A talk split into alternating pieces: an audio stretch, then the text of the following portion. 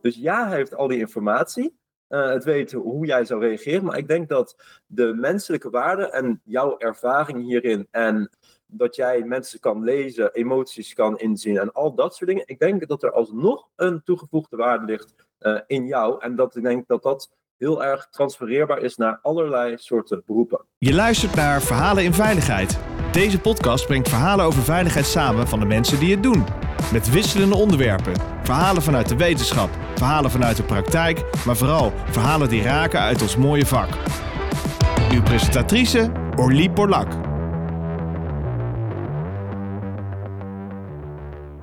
Welkom uh, luisteraars. Het is weer uh, tijd voor een uh, mooie podcast. En vandaag gaan we het hebben over AI. En waarom in verhalen in veiligheid? Nou, ik zie een wereld die steeds sneller verandert. En ik denk we machines gaan krijgen onder leiding van allerlei AI-programma's die beter kunnen nadenken, fouten kunnen ontdekken, een groter lerend vermogen hebben dan wij mensen. Ik zie ook een toekomst voor me waarbij AI beter in staat is om risico-inschattingen te maken, om rationele besluiten te maken, om strakke analyses te draaien over incidenten die we hebben. Ik denk dat de impact van AI niet meer te ontkennen is en dat het elke beroepsgroep en elk vakgebied gaat raken. Daarom uh, vind ik het nuttig om, om dit te verkennen en te ontdekken, uh, zodat we allemaal meer inzicht krijgen in wat er op ons afkomt en wat de toekomst ons gaat brengen. Dus ik kwam uh, Tom Naberink tegen op LinkedIn. En hij post heel veel over AI. En dan in relatie met ons onderwijs. Weet je, zijn wij nog wel eigenlijk toegerust straks op onze taak of worden wij knijterhard ingehaald? Ik vond dat zulke interessante post dat ik dacht, ja, maar hier wil ik eens verder over praten, want hier kunnen onze luisteraars uh, waarschijnlijk ook wat inspiratie uithalen. Dus vandaar dat ik Tom Naberink heb uitgenodigd. En hij is docent, onderzoeker, onderzoeker sportkunde, projectleider sociale sportschool, oprichter AI voor studenten. En hij houdt zich vooral bezig met uh, onderwijsvernieuwing. Tom, welkom. Superleuk dat je hier bent. Dankjewel, leuk hier te zijn. Nou, dan gaan we met een uh, ja, misschien wat schurend onderwerp voor sommige mensen praten over uh, ja, hoe groot wordt nou AI? Ja, dat is een, uh, de grote vraag die we ons met z'n allen stellen. En ik zie daar heel veel verschillende meningen over. Dus als ik kijk naar mijn eigen werk in het onderwijs, dan zijn er nog steeds heel veel mensen die denken dat het niet zoveel invloed gaat hebben. Of misschien ook wel willen dat het niet zoveel invloed heeft. Dat is denk ik ook een uh, belangrijke. Want ja, die impact kan wel eens heel groot worden en dat gaat heel veel betekenen voor mensen. Dus daarom ook de wil en de angst die ik soms zie. Maar we moeten ook kijken naar de positieve punten. Uh, volgens mij heb je er net al heel veel genoemd. Qua veiligheid, dat de machines slimmer kunnen worden dan ons als we dat goed inzetten. Dan uh, heeft dat een enorme positieve impact. Dus hoe groot wordt AI? Ja, dat is echt een hele moeilijke vraag. Ik denk enorm. Echt enorm. Om de vraag aan jou terug te stellen, Orly. Ja. Als dat ook mag in deze podcast. Jazeker. Denk jij dat er over vijf jaar uh, nog mensen zijn zoals jij die een podcast maken? Ik, dat denk ik wel. Ik weet niet hoe snel AI kan anticiperen op uh, mensen en emoties. Als ze dat zouden kunnen, dan zie ik een helemaal mooie toekomst. Dan zie ik bijvoorbeeld ook een toekomst voor de zorg. De zorg heeft heel veel handjes tekort en ze zijn aan het experimenteren op dit moment eigenlijk zorg op afstand. En in eerste instantie gaan ze dat nog proberen met uh, echte mensen. Dus een patiënt gaat inbellen en gaat zijn uh, problemen voorleggen. En dan gaat een arts op afstand een diagnose maken. Dat zie je nu overal wel gebeuren. Ja, de stap naar AI en, en een deepfake is, is natuurlijk, ligt voor de hand. Dus als AI dat zou kunnen, denk ik dat dat prachtig is. Ik denk dat je dan, als je op dat niveau zit, zou een AI ook prima een gesprek en een interview kunnen voeren. En dus ook een podcast kunnen maken. Maar je ziet heel veel met AI nu gebeuren. Ik gebruik het toevallig voor onderwijs. Mijn kinderen zitten op uh, 3HV, zoals dat heet. En die moeten zich dan voorbereiden voor allerlei toetsen. Nou, ik ben erachter gekomen dat die chat uh, GPT is echt hartstikke slim. Dus dan vraag je aan hem, kun je oefentoetsen maken op uh, 3HV over deze en deze thematiek? Nou, dat is ongelooflijk. Er rollen allemaal oefentoetsen uit. En dan blijft maar genereren en genereren. En dan zeg je gebruik deze woorden erbij, deze werkwoorden erbij. Dus je ziet ook dat je eigenlijk met zo'n programma gewoon heel simpel onderwijsmateriaal kan maken. Absoluut. Het is ook een project waar ik mee bezig ben. En ik hoor je in de tussentijd ook heel veel zeggen. Uh, waar, waar, ik heel veel over kan zeggen. Over de podcast, over de emoties uh, herkennen en dergelijke.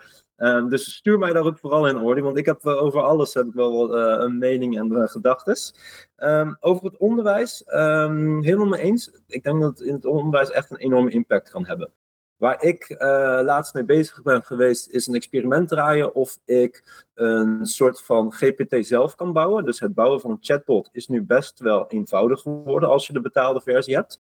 Uh, want je kan gebruik maken van de standaardversie, die de meeste wel zullen kennen. Dus je doet een prompt, je voert iets in, komt een antwoord uit. Dan heb je de betaalde versie, die doet er al veel en veel beter. Uh, nu kunnen we ook zelf die chatbots bouwen. En dat betekent dus dat je hem zelf instructies kan geven. Dus dat je hem een bepaalde kant op kan sturen of uh, bepaalde uh, van uh, ja, precies je taak die je wil doen, die je wil volbrengen, dat je dat erin kan zetten. En je kan je eigen data erin zetten. Waarmee je dus je eigen chatbot kan bouwen. Nou, dat heb ik uh, gedaan en ik heb daar een experiment over gedraaid van de eindexamens economie, dus op de middelbare school. Uh, ik ben zelf uh, in het verleden ook economiedocent geweest, dus daarom dat dat mij trok. Daar heb ik de gratis versie hem laten maken, de betaalde versie heb ik hem laten maken en mijn eigen chatbot heb ik hem laten maken. En mijn eigen chatbot scoorde dus een 9,6 op het eindexamen HAVO. En daarmee kan je denk ik zien hoe krachtig het is. Het, het scoort geen 10, het is niet perfect. Um, dat is ook een van de nadelen van uh, ChatGPT. Uh, hij hallucineert soms, dus hij geeft soms bullshit als output. Maar 9.6 is volgens mij heel erg goed en heel erg bruikbaar. En wat je zegt, Orly, die kracht en die impact gaat natuurlijk enorm zijn. Want nu uh, gaan uh, leerlingen, die zitten in een klas met 30 andere leerlingen. Die hebben twee uurtjes per week een docent tot hun beschikking. Dat is ongeveer dus vier minuten uh, gemiddeld per week wat ze hebben aan die docent. Terwijl die ChatGPT-docent die ik heb gebouwd, die hebben ze gewoon altijd tot hun beschikking. 168 uur. En die gaat dus niet op het gemiddelde niveau van de klas, waarbij de slimmerikken die vinden het niet interessant en de mensen die een beetje achter liggen, die kunnen het niet volgen. Nee, die persoonlijke tutor die je dan hebt, digitaal, die gaat precies op jouw niveau. Je mag alle domme vragen kan je eraan stellen. Je kan hem vragen uh, laten genereren die jij dan moet beantwoorden. Dan kan je het hebben over de antwoorden. Uh, er zijn zoveel manieren waarop dit een enorme impact gaat hebben. En ik denk dat heel veel mensen dat nog niet zo goed inzien. Maar ik denk dat die impact enorm gaat zijn. Ja, dus die vraag die jij mij stelde van ben ik straks overbodig in mijn podcast maken? Kan ik eigenlijk nu wel stellen, ben jij straks overbodig als docent? Want als, als je dit goed doet, want ik zie het en ik ben er ook mee aan het experimenteren, nog niet zo ver als jij. Dus ik ben nu geïnspireerd ook om te take it up a notch. Ik vind vaak dat het onderwijs best wel ondermaats is. Uh, wil niet zeggen dat, dat, dat al die kids tienen halen. Maar als je dan kijkt wat de informatieoverdracht is in, in bepaalde vakken, is dat niet heel veel. Dus ik denk dat als je inderdaad dat onderwijs verandert, dat uh, ook de mens meer aan kan. Niet alleen de machine kan een heleboel dingen overnemen, maar het, het programma pusht de mens ook om slimmer te worden, sneller te leren, sneller informatie te verwerken en het ook beter te plaatsen. Omdat ze als je kijkt naar dat programma, zoals met die oefentoetsen, ze bieden de content best wel spelende wijze aan. Het is ik zeg iets, jij moet reageren. Ik zeg iets, jij moet reageren. En dat kan je volgens mij niet in een klaslokaal op die manier doen, één op één. Nee, en ook een mooie vraag die je daar stelt hoor. Van hey, gaan docenten nou worden vervangen? Ik denk van niet. Uh, ik denk wel dat we een hele andere rol gaan krijgen. Dus het echt zenden van informatie. Er staat een docent voor, je, voor de klas en die gaat een half uur uh, over de theorie praten. Ja, ik denk dat we daar steeds meer vanaf gaan, want die ja, de echte informatie, dat kunnen we ook prima via zo'n taalmodel tot ons krijgen. Uh, maar ik denk dat de docent steeds meer in een coachende rol gaat. Dus het echte menselijk contact. En dat is denk ik ook waar heel veel docenten wat ze interessant vinden. Um, dus we gaan minder zenden, we gaan minder nakijken, want daar kunnen we die uh, bots voor uh, gebruiken. en we gaan meer naar één op één contact um, of als coach projectgroepen helpen ik denk dat daar een hele grote meerwaarde ligt van de docent. Dus nee, ik denk niet dat ik vervangen word. Maar is dat misschien ook de meerwaarde die we als mensen hebben? Hè? Dus we zijn nu zie je dat door dit soort programma's, informatieverwerking, kan dit programma gewoon beter dan mensen. Misschien nog nu, nu niet perfect, maar je ziet het potentieel. Ik gooi daar straks bakken met rapporten in. En ik vraag gewoon aan hem, in mijn hoofd is het een hem, van uh, draai daar eens een analyse op en vertel mij welke patronen herken je bijvoorbeeld. En dan kan ik ook allerlei ja, randvoorwaarden meegeven. Bij een socioloog kijk je heel erg naar semantiek. Hè? Dus welke woorden gebruikt iemand om van een, een bedoeling over te brengen. Dus als je zegt, joh, groepeer hem alleen maar op die woorden. Of, of nou ja, dan kan je, als, je, als hij nog intelligenter is, kan je zeggen, ja, die bedoeling. Hè? Dus mensen kunnen nog allerlei andere soorten woorden hebben, maar hetzelfde bedoelen. Dan kan je dus heel veel stof verwerken. Maar wat hij misschien niet kan. Ja? Waar de toegevoegde waarde van de mens ligt. Uh, want die is er absoluut. Het is echt niet dat zo'n machine alles van ons over kan nemen. Uh, om het voorbeeld nog even terug te pakken van jou als podcast-host. Ja. Uh, ik zou nu al jouw podcast uh, kunnen downloaden. Die zou ik heel simpel kunnen transcriberen, dus dat in tekst omzetten. die tekst zou ik allemaal in zo'n taalmodel kunnen zetten, want ik kan dus mijn eigen chatbots best wel eenvoudig bellen, bouwen. En ik kan hem dan laten functioneren als jou. Ik zeg van, hey, jij bent nu de digitale versie van Ordi Polak. Uh, je weet hoe zij vragen stelt, je weet wat zij interessant vindt, al dat soort dingen. En uh, ChatGPT is ook al op zo'n niveau dat hij kan praten. Maar, en dan komt de belangrijke maar, ik denk alsnog dat de kwaliteit dan slechter wordt. Dus ja, hij heeft al die informatie, uh, het weten hoe jij zou reageren, maar ik denk dat de menselijke waarde en jouw ervaring hierin en dat jij mensen kan lezen, emoties kan inzien en al dat soort dingen. Ik denk dat er alsnog een toegevoegde waarde ligt in jou. En dat ik denk dat dat heel erg transfereerbaar is naar allerlei soorten beroepen. Maar kunnen we het hem niet leren? Want ik heb vaak ruzie met ChatGPT. ik vind dus dat hij heel slecht schrijft. En dan ga ik hem dus vertellen hoe hij beter kan schrijven. En uh, uh-huh. ik laat hem heel vaak heel veel dingen opnieuw doen, omdat ik de kwaliteit echt ondermaats vind. soms vind ik het echt zo ondermaats, dan dreig ik hem op te zeggen. Wat ik ook recentelijk heb gedaan. ja, dan vind ik het echt te slecht. Dan zeg ik, ja, je kan er gewoon echt helemaal niks van. Uh, je moet uh, jezelf slimmer maken, je moet sneller leren. ik ben echt zo benieuwd of er echt gewoon een programmaatje is dat al die menselijke reacties ook meet. Dus dat er iemand zich helemaal in een deuk ligt, dat al die mensen beginnen dat AI-programma uit te schelden. Voor als hij om de maas presteert. Zegt dan ook wat over ons, maar goed, dat is even een side step. Ja. Ik heb hier nog wel een uh, leuke anekdote uh, over. Uh, over het zien van emoties. Want je zei van, hey, kunnen we dat dan ook niet leren? Misschien heb je gehoord dat er Microsoft Copilot uitkomt. Dus dat is uh, iets van Microsoft, uh, en iets wat we bijna allemaal gebruiken. Dus met Word, uh, Excel, Outlook, Microsoft Teams, nou, noem maar op. Dus dat hele pakket, wat heel veel mensen die werken en ook studenten gebruiken dat. En dat gaat eigenlijk automatisch daarin zetten, inzetten. Dus als je Word opent, dan kan je schrijven van... hey, schrijf een uh, Sinterklaas gedichtje voor me. En dan klik je op Copilot en dan schrijft hij dat helemaal voor je. Dus dan hoef je niet meer naar ChatGPT. Het wordt veel gemakkelijker gemaakt. Het wordt eigenlijk ingebouwd in applicaties die we bijna allemaal gewoon dagelijks gebruiken. Dat hebben ze natuurlijk ook met Teams gedaan, dus met videocalls en dat je in vergaderingen zit. En uh, daar hebben ze best wel wat mee getest al. En waar ze achter kwamen, is dat hij eigenlijk heel erg goed menselijke emoties al kan zien. Dus um, als ik in een meeting zeg van, oh, uh, op deze manier, oh, ik voel me eigenlijk heel erg goed, ik ben super blij en uh, het gaat top met mijn leven, dan kon dat ding dus eruit halen. Uh, hey, die Tom Nabrink, die zegt wel dat het goed met hem gaat, maar als ik kijk naar zijn emoties en dergelijke, dan zie ik eigenlijk dat het helemaal niet zo goed met hem gaat. Maar dit hebben ze eruit gehaald, want ze hadden zoiets van, oh, dit is wel heel erg een schending van privacy uh, en alles erop en eraan. Dit moeten we niet willen, dus dat hebben ze er nu bewust uitgebouwd, of uitgehaald. Maar het kan daar dus wel iets mee.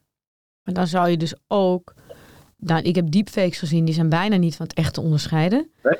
Dus dan krijg je ook wel een coachende functie van zo'n programma. Dus uh, ik snap dat docenten krijgen echt een andere rol. Misschien gaan die zich wel veel meer focussen op samenwerken. Het stimuleren van samenwerken. En misschien uh, uh, ja, zijn er ook mogelijkheden om informatieoverdracht beter te leren. Hoe doe je dat nou tussen mensen? Maar die coachende rol die docenten nu hebben, die zou je met de herkenning van emotie, zou je, zou je die ook in zo'n programma kwijt kunnen? Klopt, maar dat is nog wel een hele enge hoor. als we, als we dat machine kunnen leren om al onze emoties te herkennen en daarop in te gaan spelen en alles, dat vind ik een hele enge. Dus ik denk, ook al ben ik het met je eens dat daar ook positieve aan dingen, dingen aan zitten, dat daar meer negatieve aspecten aan zitten, dus dat we daar echt wel mee moeten oppassen. Maar denk je niet dat hij dat vanzelf leert? Als ik bijvoorbeeld, ik, ik gebruik het dan veel uh, voor teksten en om mee te experimenteren. En de, de reden waarom ik hem slecht vind schrijven, is omdat hij niet goed tussen de regels kan lezen. Dus hij hm. pikt die eigenlijk die emotionele overdracht van informatie. Dat kan hij niet goed. Hij is niet goed in metaforen, hij is niet goed in beeldspraak. Hij kan dat eigenlijk niet overbrengen. Hij is best wel straight to the point. Het woord betekent het woord, om het even heel plat te zeggen. Maar uiteindelijk wordt hij slimmer, want iedereen raakt geïrriteerd. Want iedereen zegt, ja, maar je begrijpt mij niet. Dus dan gaan mensen reageren op dat programma.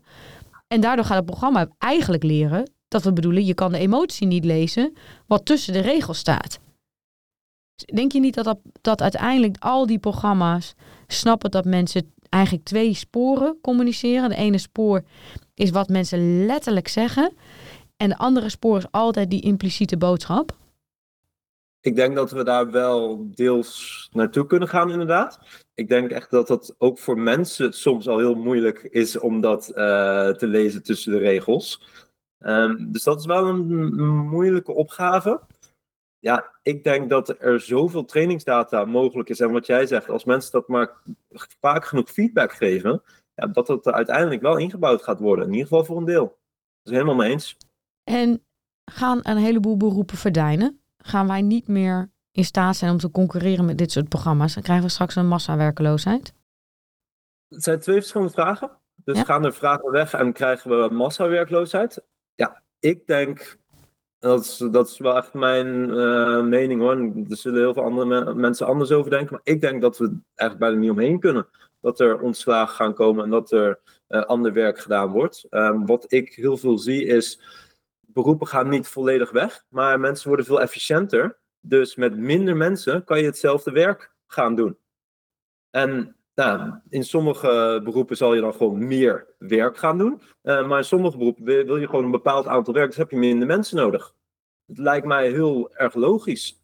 Um, de vraag of er dan massawerkloosheid komt. Nou, volgens mij komen er ook weer heel veel andere beroepen. Dus ik denk dat de mensen het altijd wel weer wat bedenkt en uh, daarop gaat reageren. Uh, het grote nadeel is wel dat het heel erg snel komt.